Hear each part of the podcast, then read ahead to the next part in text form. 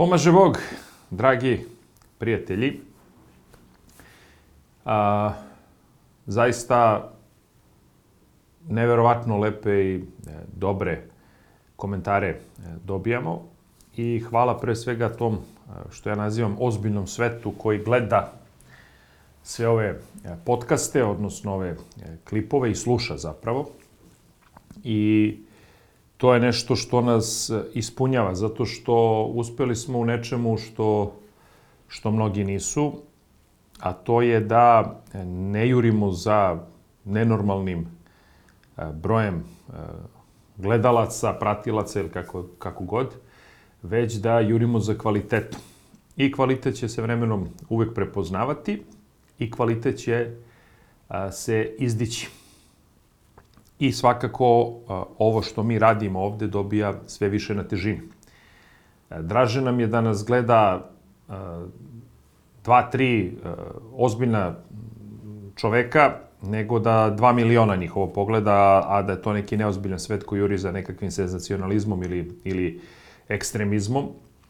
Znači, ovaj kanal to neće sebi e, dopuštati i trudit ćemo se da o svim temama govorimo na jedan vrlo ozbiljan način kako bi ozbiljni ljudi željni a, dobre analize, željni a, dobre diskusije a, ovo pratili i dalje delili. Ja naravno sve vas a, koji ste ozbiljni, koji želite da polemišete, koji pišete komentare, uvek molim da podelite ovaj klip jer želimo da otvorimo brojne teme e, koje se u našem društvu najčešće ne otvaraju ne zbog nekog straha. Nema ovde nikakvog straha, niti, niti ovde postoji neka tabu tema, nego se ne otvara iz neznanja.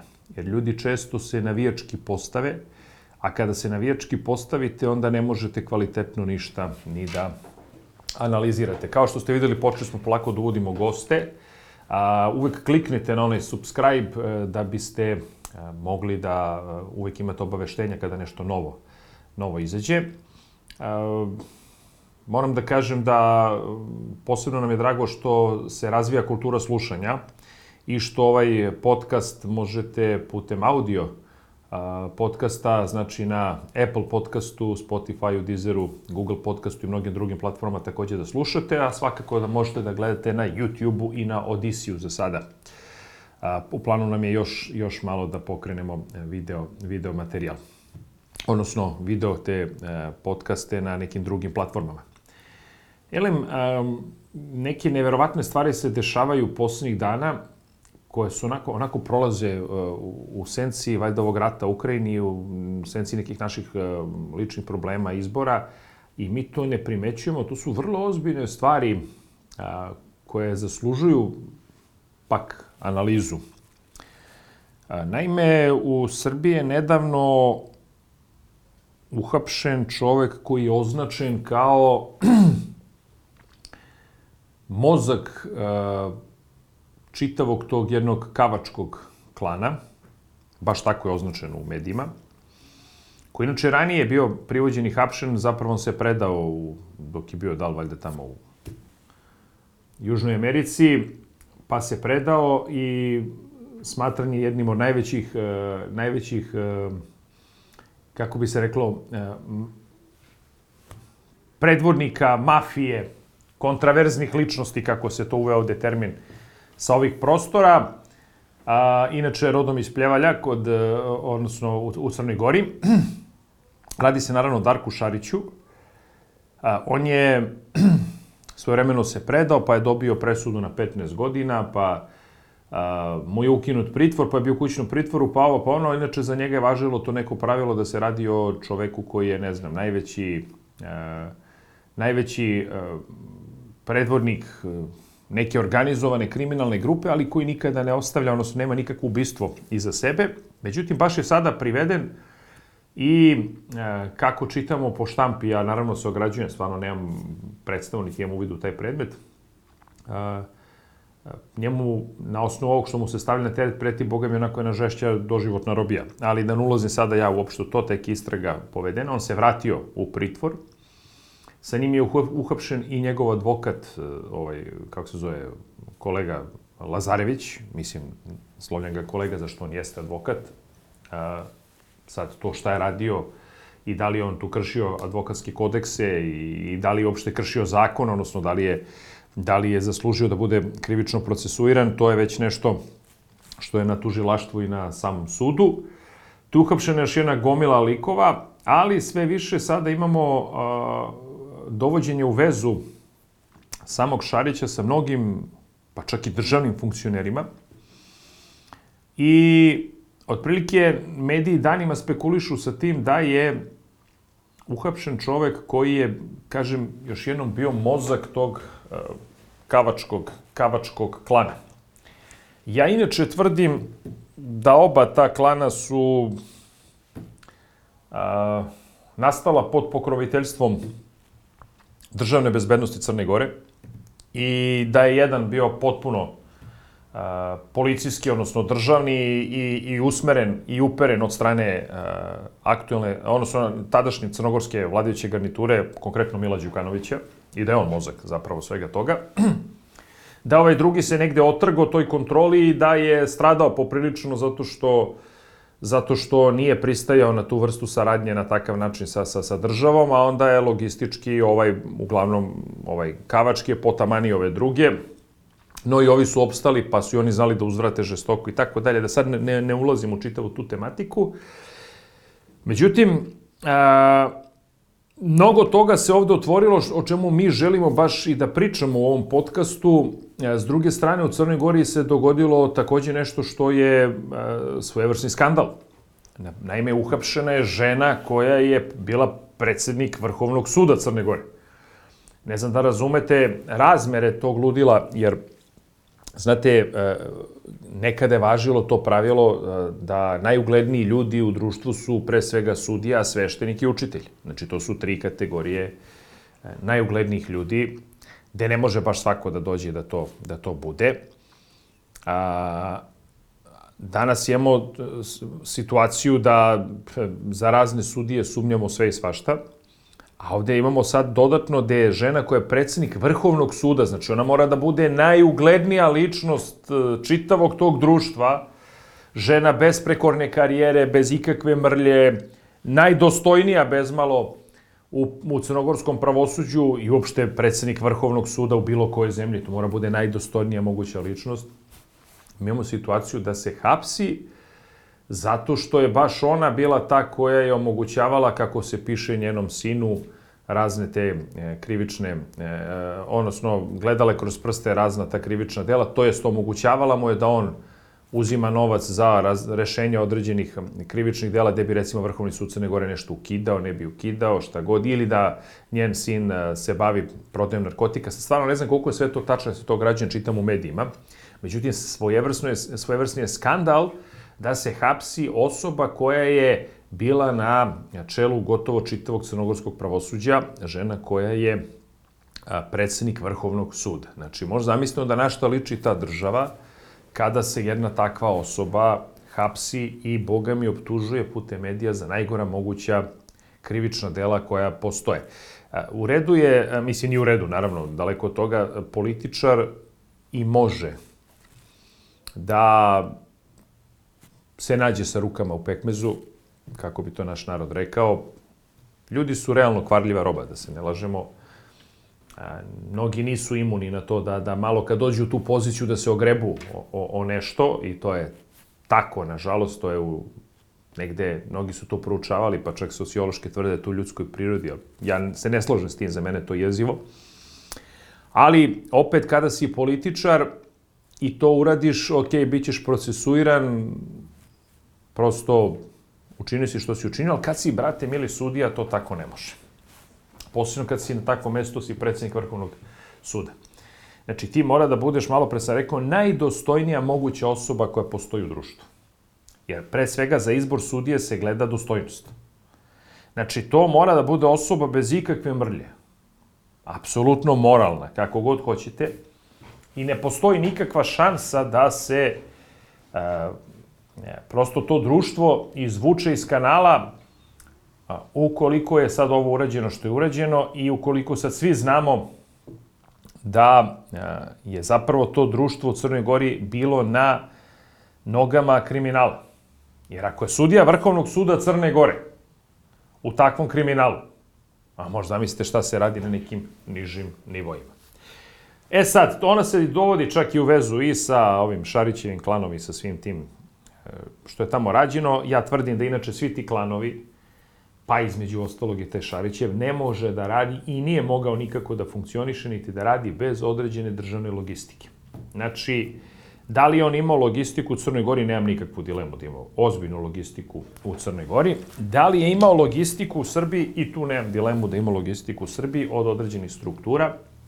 I sad je to za nas posebno važna tema, koja se ovde otvara. Prvo, e, sama informacija da je on mogao preko Sky aplikacije, preko nekog telefona koji mu je unet u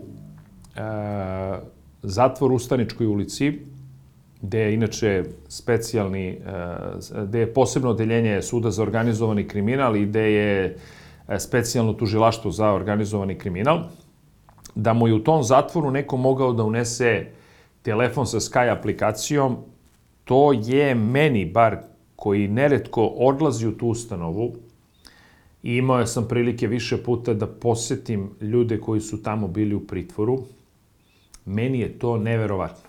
Zato što vi kad ulazite u tu ustanovu, vas skinu golog skoro do gole kože. Znači, totalni pretres, vi sve što imate od metala morate da ostavite, čak izuvate cipele. Jednostavno, ne, ne kakav crni tal... Znači, ovaj, ovaj sat, znači što je na sebi, to je onaj Samsungov sat, ja to ne smem tamo da unesem, moram da ostavim ormarić i da to sve zaključam. Znači, ne postoji teoretska šansa da ti uneseš mobilni telefon u taj, tu pritvorsku jedinicu, odnosno u taj pritvor, osim ako ti neko nije od tamošnjih rukovodilaca ili eventualno zaposlenih uneo, odnosno dogovorio se sa advokatom, progledao na, odnosno progledao ti kroz prst ili zažmurio na oba oka, kako god hoćete, i na taj način si ti to dobio. Ali, ukoliko je to tako, e, to je onda zaista za ozbiljnu istragu i za procesuiranje ti koji su to omogućili. Jer omogućiti jednom, a, jednoj osobi takvog kriminalnog renomea, tu vrstu komunikacije je ravno najgore mogućem po meni krivičnom delu koje se izvršio, jer možda on recimo preko tog telefona naredio neka ubistva. Da li je neko razmišljao o tome kad je to radio, da recimo možda će nositi nekoga na duši. To je strašno i to pokazuje koliko je sistem negde bušan, i to ne malo bušan, nego ima ozbiljnih, ozbiljnih problema. Inače vidim koliko je sistem bušan u nekim predmetima da ja branim, i gde vi vidite da, na primjer, ja kao advokat, a i moje kolege, mi sam taj predmet, to jest recimo optužnicu u tom predmetu, dobijemo mnogo kasnije od samih novinara. Znači, novinari dobiju sve što je moguće iz istrage,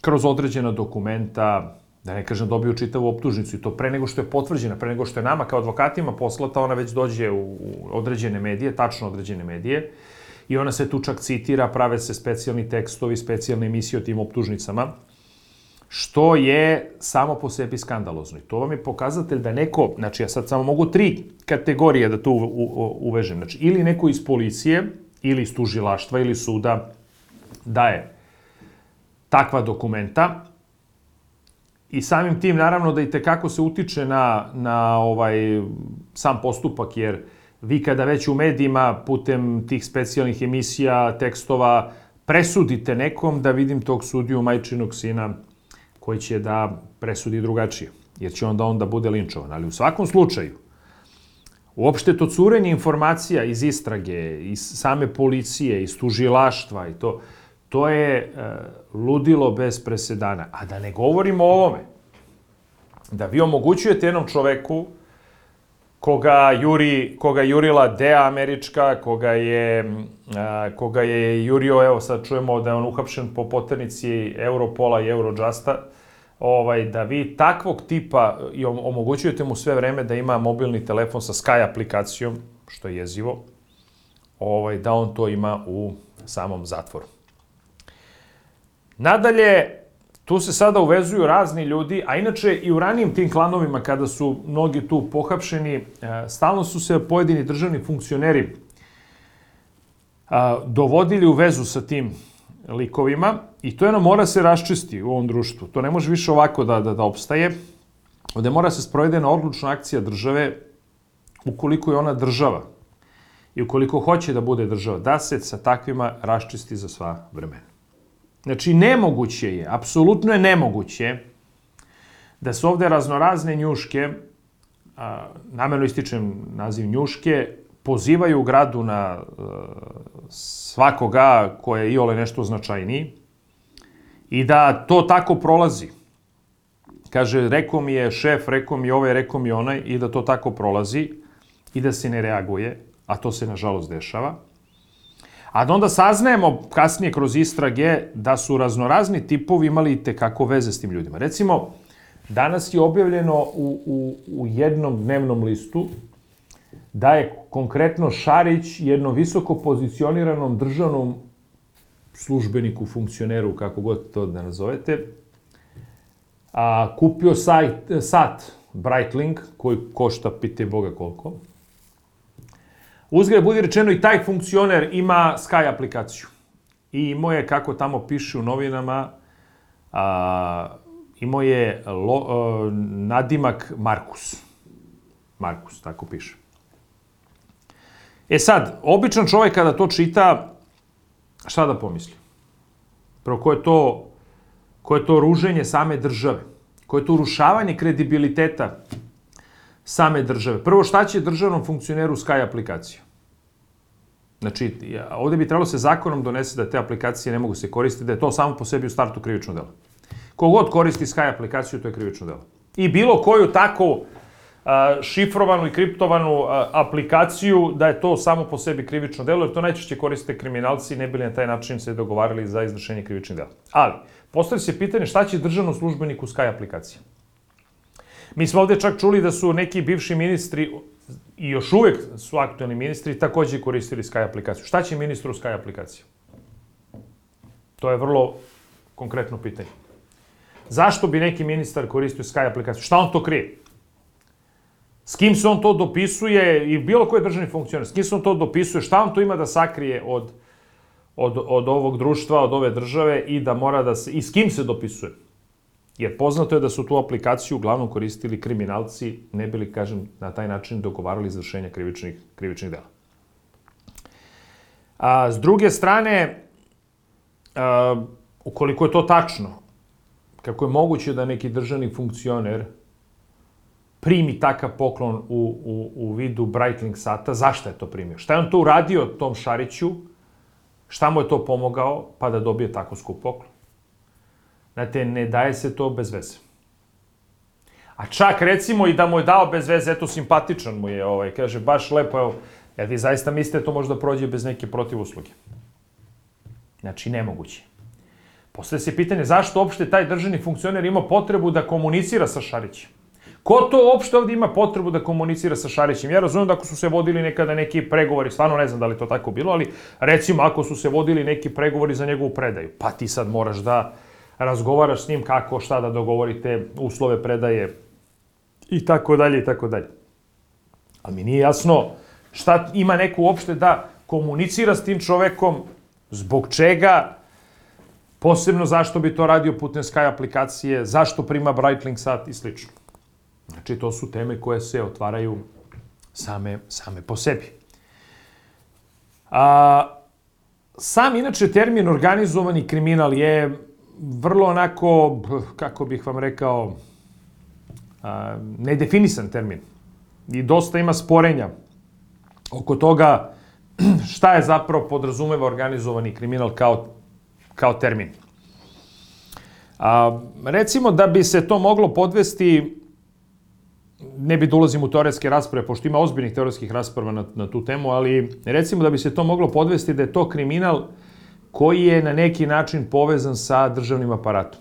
sa takozvanim e, represivnim državnim, državnim aparatom. Ne represivni, nego generalno. Povezan, ja se izvinjam, znači ne represivni, nego uopšte povezan sa državnim aparatom. I tu se može reći da je to tačno. Znači, ne postoji mogućnost, bar iz svih ovako teorije koje sam sam čitao i, i, i prakse koje sam gledao, ne postoji mogućnost organizovanog kriminala bez uplitanja i logistike države. A, zato meni je nejasno kada se recimo uhapsi neka grupa pa se podvede pod neki OKG, a ne vidite da ima ikakve, ikakvog državnog uplitanja, zašto te ljude tretiraju kao organizovani kriminal. Znači, to bi moralo se razgraniči da se to posebno deljenje e, suda za organizovani, specijalno, odnosno posebno deljenje Višeg suda za organizovani kriminal, da se on isključivo bavi onim kriminalom i da se samo to smatra organizovani kriminalom ukoliko ima državne umešanosti. A to znači da recimo neki državni funkcioner upleten u, sa određenom grupom, ima određene veze, pa po toj osnovi se onda toj grupi, grupi sudi. Ili recimo uhapsi se neka grupa a, ovaj koja a, za koju postoje ozbiljne indicije da je bila povezana sa nekim delom državnog aparata. Sve ostalo je besmisleno da se podvodi pod takozvani OKG. I zato e, ja sam uvijek pristalica kada se neka grupa uhapsi i odvede se tamo u staničku. A inače, e, neretko se siluje to pravljenje grupe. Pošto je potrebno najmanje tri člana te grupe, da biste formirali organizovanu kriminalnu grupu, ali ako vi tu nemate primese državne logistike prema toj grupi, onda je besmisleno o tome govoriti da je to za tu vrstu suđenja. Drugo, sam termin organizovana kriminalna grupa, pa teško može bude neorganizovana, znate. A, jer ne možete vi da vršite a, tako velika i snažna krivična dela, a da niste organizovani samim tim ovo, ovo se podrazumeva, ne znam zašto bi stavio termin organizovana kriminalna grupa. Svakako, rulja je neorganizovana. I rulja može da izvrši krivično delo, može da sravni pola grada ovaj, a, u, u nekom stampedu, ali je to neorganizovano potpuno. A krivično delo ste počinili svakako. Znači, mora da postoji namera te grupe da vrši krivično delo i samim tim to jeste svakako organizovano. Ta grupa ima nekog vođu, a, ima nekog predvornika, ima a, nekoga ko, ko ovaj, pravi tu čitavu logistiku i tako dalje. Ali kažem opet, da bi se to podvelo pod, eh, recimo, jedan ozbiljan narkoklan koji je, ne znam, operisao, ubijao i tako. Nemoguće je, apsolutno nemoguće. Znači, ja inače tvrdim da ne postoji mogućnost da imate neki ozbiljan narkoklan bilo gde u svetu koji ubija, eh, ne znam, eh, drži, udara reket, udara reket ugostiteljima, prodavnicama, prodaje drogu ta, svuda i, i, ovaj, i, i toliko širi svoju imperiju, a da nema neku podršku državnog aparata. Ne postoji mogućnost. Jer jednostavno država kad god hoće ona može da to suzbije. E sad, dešava, deš, dešava se u svetu, to moramo ljudima da ukažemo, i to je ono što ste gledali, često ko gleda Netflix, pa ima Narcos, ima, ima ovaj... Uh, Uh, mislim, u tri dela je čak rađen, uh, o, o, o narkoklanovima u Kolumbiji i u Meksiku, Kao što ste videli, svi ti narkoklanovi su imali određenu podršku državnog aparata. Od Escobara do, do El Čapa ne postoji, znači, niko ko nije imao podršku državnog aparata. Problem kad se oni otrgnu kontroli, to imate situaciju danas u, u, u Meksiku, A, to je ozbiljan problem. Recimo i Kali e, e, i, i, i klan Escobarov u Medeljinu i Kali ovaj, klan u Kolumbiji Oni jesu imali podršku državnog aparata, ali kada je država odlučila da ih potopi, ona ih je potopila. Znači, sve se može kada je tu negde i Amerika skočila i pomogla i tako da. U Meksiku je veliki problem, jer vi imate otrgnute delove a, otrgnute delove ovaj, tih narkokriminalnih grupa koje su bezmalo država u državi, ozbiljna vojska, ozbiljna institucija, ako hoćete, a, Meksiko nema dovoljno vojske i policije da bi a, suzbio te, te, te kriminalne klanove i zato se oni šire i čitave regione drže pod svojom kontrolom. I to je jedan užasan problem za tu državu. Znači, u Meksiku vi imate čitave, kažem, regione te države u kojoj vlada ta mafija.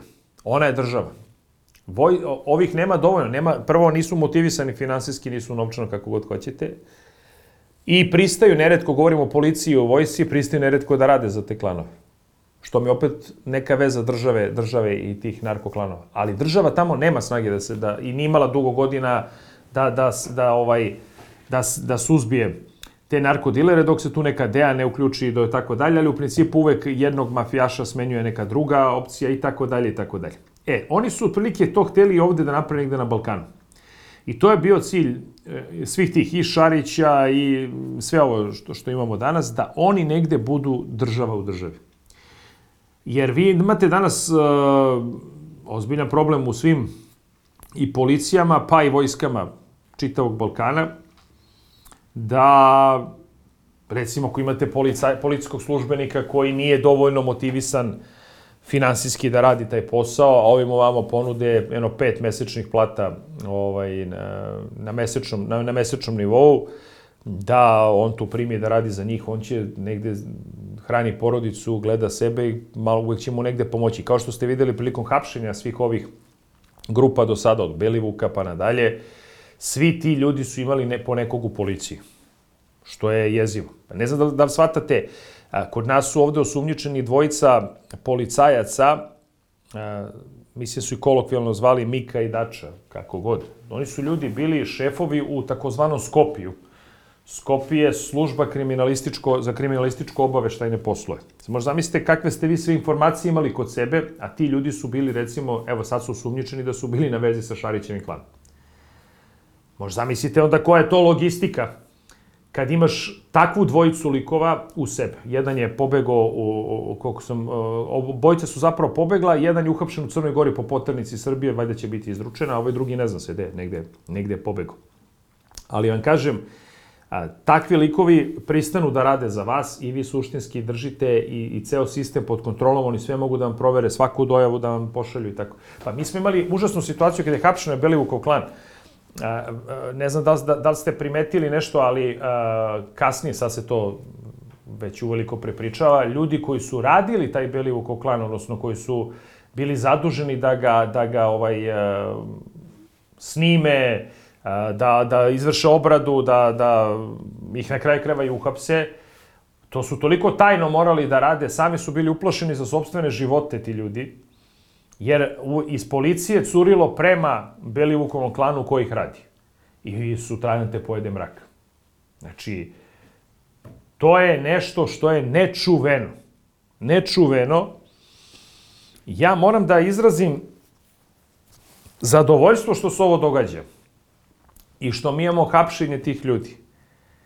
Ali moram i da izrazim na neki način e, skepticizam, jer mnogo njih u samom MUP-u, u samom sistemu očigledno je radilo za te klanove. I ti ljudi će sada gledati sebe da zaštite i da mnogo toga zabašure, da se mnogo toga ne sazna, kako ovaj ne bi se ne bi došlo se eventualno do njih.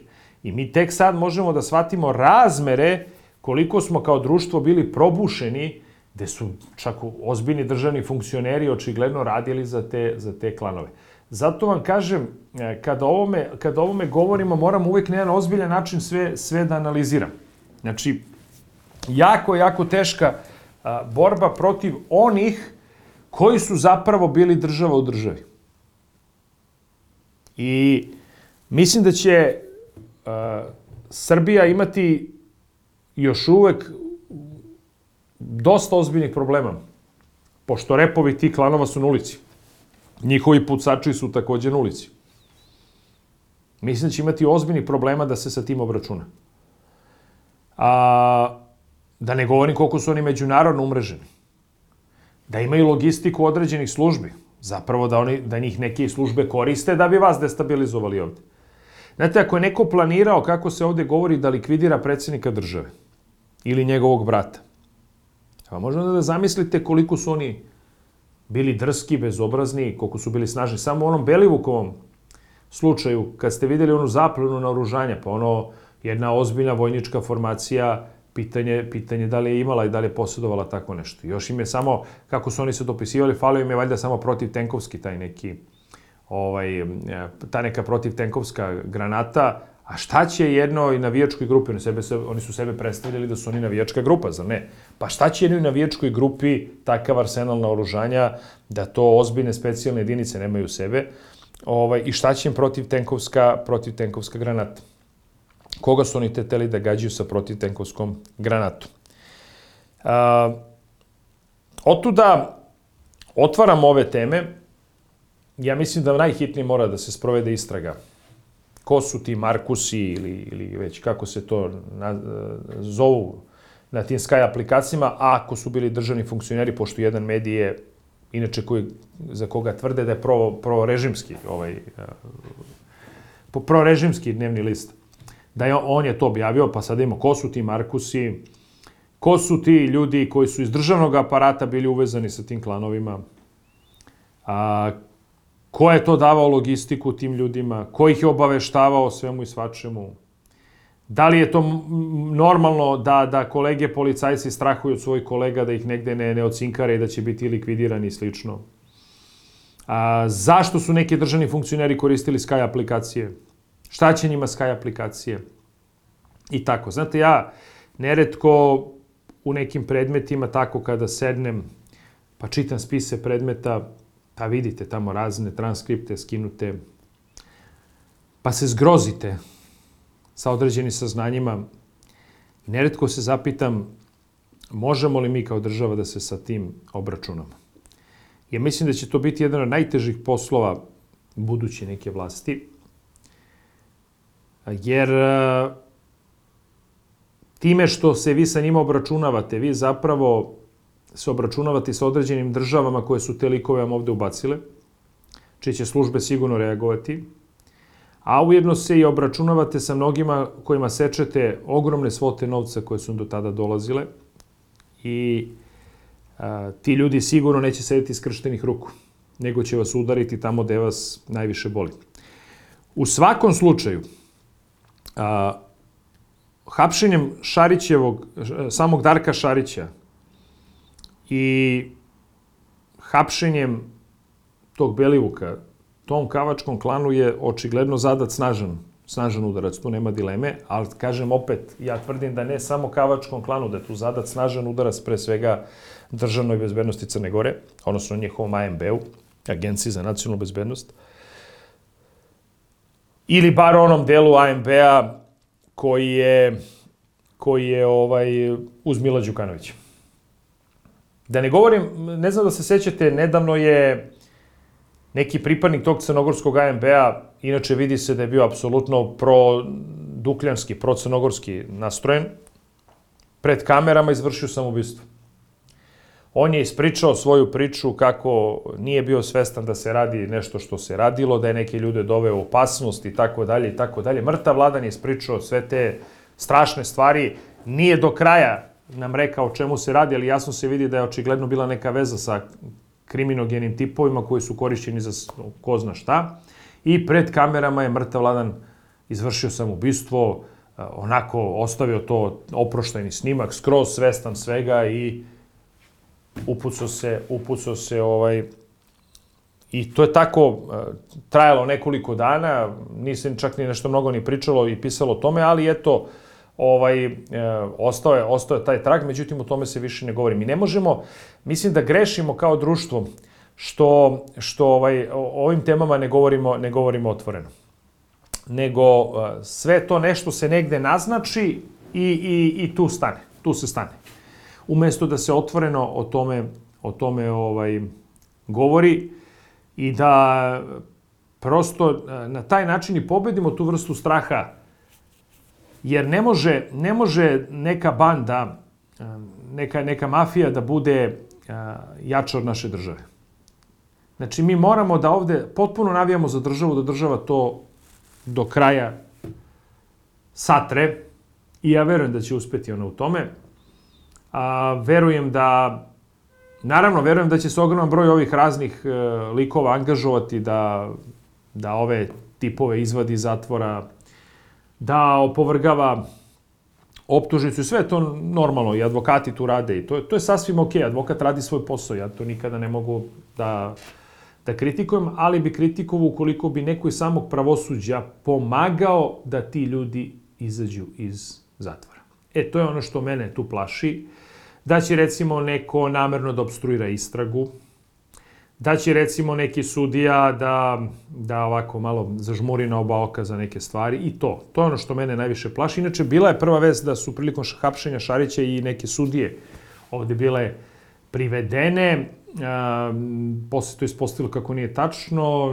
Nemam informaciju e, da li je to zaista tako bilo, ali ukoliko zaista jeste, ukoliko je neko od e, tih sudija pomagao Šariću da recimo e, dođe u situaciju da, da eto, bez osnova izađe napolje iz pritvora i slično, trebalo bi da ga a, ovaj, mada ja nisam pristalica pritvora, odmah da vam kažem, ja sam veliki protivnik protivnik a, pritvora a, da dugo traje, zato što pritvor ne može da bude kazna za, odnosno ne može da bude kazna, to je mera obezbeđenja prisustva okrivljenog u krivičnom postupku, a ne kazna. Pritvor samo može da traje onoliko koliko je to celishodno i koliko zaista je potrebno da bi se sprovela adekvatna istraga. Sve ovaj, e, posle toga je van pameti, znači kad se digne optužnica, sam uvek pristalica, ukoliko to zaista nije neki masovni ubica, ne znam kakav narkodiler i slično, da to se izađe i braniš se sa slobode, pa posle kad dobiješ kaznu ideš u zatvor.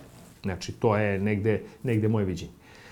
A, u svakom slučaju, to se jedino plašim da neko iz samog pravosudnog sistema ne obstruira te istrage i da negde ne pomogne upravo a, da se pomami na novac, tu se mora strašno voditi računa o tome. A, kažem, ljudi su kvarljiva roba, pa ako je mogla predsjednica Vrhovnog suda Crne Gore da radi to što je radila i da zaglavi, evo sada, a, pritvor. Znate što neko, neki sudija na nekom nižem nivou i to možda ne bi nešto slično pomislio. Nadam se da neće, jer 90 i nešto posto naših sudija su čestiti, časni ljudi, pošteni ljudi, tužioci isto, ali u svakom žitu imate, imate kukolja. I zaista ukoliko takvi postoje, ukoliko istraga utvrdi da su neke sudije eventualno primile nekom, neki mito, primile novac, a, ili tužilac i tako dalje, bilo bi dobro, bilo bi dobro da se takvi procesuiraju i da se jednostavno takvi odstrane iz naših pravosuđa. Sve u svemu, a, nadam se da mi je ovo bilo zanimljivo, da krećemo sa ozbiljnom analizom svega i nemojmo, kažem vas, da se krijemo e, i da bežimo od ovih tema. Ovo su vrlo važne teme za naše društvo. Moje je bilo lako da pomalo ih otvorim i da o tome otvoreno kažem, jer e, smatram da je to neka vrsta moje dužnosti na kraju krajeva da ljudima, da ljudima kažem s čim se suočavamo, kakvi su to problemi i sa čime ćemo morati kao država da se, da se još dugo, dugo borimo. Svako dobro od gospoda uh, i vidimo se u nekom drugom i čujemo u nekom drugom podcastu.